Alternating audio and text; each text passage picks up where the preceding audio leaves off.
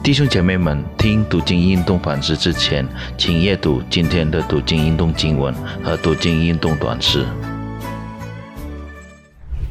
主内弟兄姐妹们平安，感谢主，今天我们又能同在一起思想和分享读经运动的经文和短诗。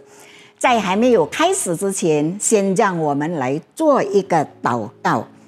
我们在天上的父上帝，感谢你的带领。今天我们又能在一起思想和分享你的话，求主差派圣灵的同在，保守看顾每一位。指点我们走进前面的道路，让你的话语能运行在我们的生活当中。也感谢你是给我们平安与健康。感谢主，让我们把今天的祷告是奉了你的圣名而求。阿门。弟兄姐妹们，今天我们的主题是四行教会纪律，是取自哥林多前书第五章。在还没有开始之前，让我们先来读一段的经文，《哥林多前书》第五章。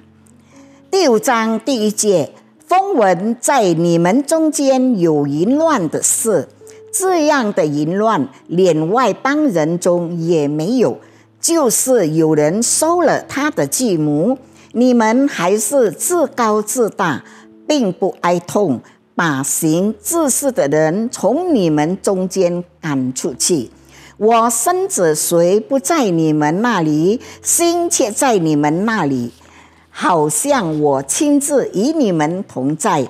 已经判断了行自私的人，就是你们聚会的时候，我的心也同在。奉我们主耶稣的名，并用我们主耶稣的全能，要把这人。这样的人交给撒旦，败坏他的肉体，使他的灵魂在主耶稣的日子可以得救。你们自自夸是不好的，岂不知一点面教能使全团发起来吗？弟兄姐妹们，当教会发现其中一位长老有分外念时，教会会怎么做呢？教会敢于对其成员明显施行教会纪律吗？如果不敢果断地处理会有中的犯罪行为，那么教会必付出沉重的代价。除了产生两极分化、会友之间窃窃私语和形成的团体之外，教会最终还是因为会有对领袖的失望和漠不关心而瘫痪。纪律处分不能出于边单，更不能居于报复。纪律必须旨在帮助和治愈犯罪者。哥林多教会中正发生过分的淫乱之事。在五章第一节，刚才我们已经读过了。不幸的是，这样的诗是被各自甚至信徒感到骄傲、自高自大。使徒保罗强调，信徒们必须有责任，按照上帝的话语维持道德标准。虽然主耶稣命令我们不要论断别人，在马太福音第七章第二节。但也命令我们不要容忍以罪妥协的异端教义。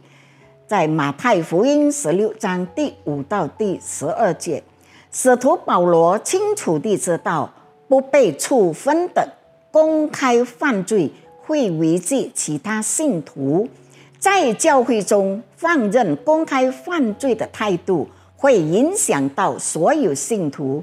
信徒每天必须与罪斗争，所以使徒保罗并不要求我们无罪，但他反对那些故意犯罪而不感到羞愧、不愿意悔改的人。在教会中，故意犯罪是不能被容忍的，因为这会产生摧毁整体信徒的影响。正如一点面教就能使面条团发酵一样，故意犯罪也必影响到其他信徒。使徒保罗命令我们选那些自称是基督徒但仍然故意犯罪的人，作为基督整身体的肢体，我们对其他信徒负有责任。我们不仅必须彼此加强、彼此带导、互相造就，而且我们也不能容忍以妥协。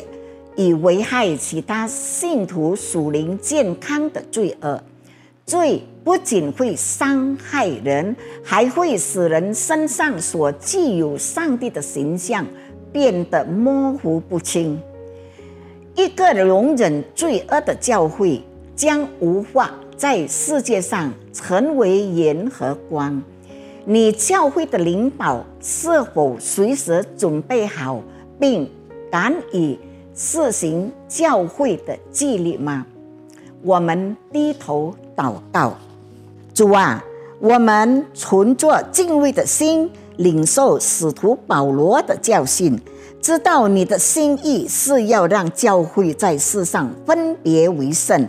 我们愿意来遵行你的旨意，远离淫乱和一切邪恶，不让恶有滋生之地。主啊。求你保守我们的心思意念，好让我们能抵挡从世界而来的诱惑，过一个圣洁的生活。感谢主，听我们的祷告，阿门。弟兄姐妹们，我们下次见。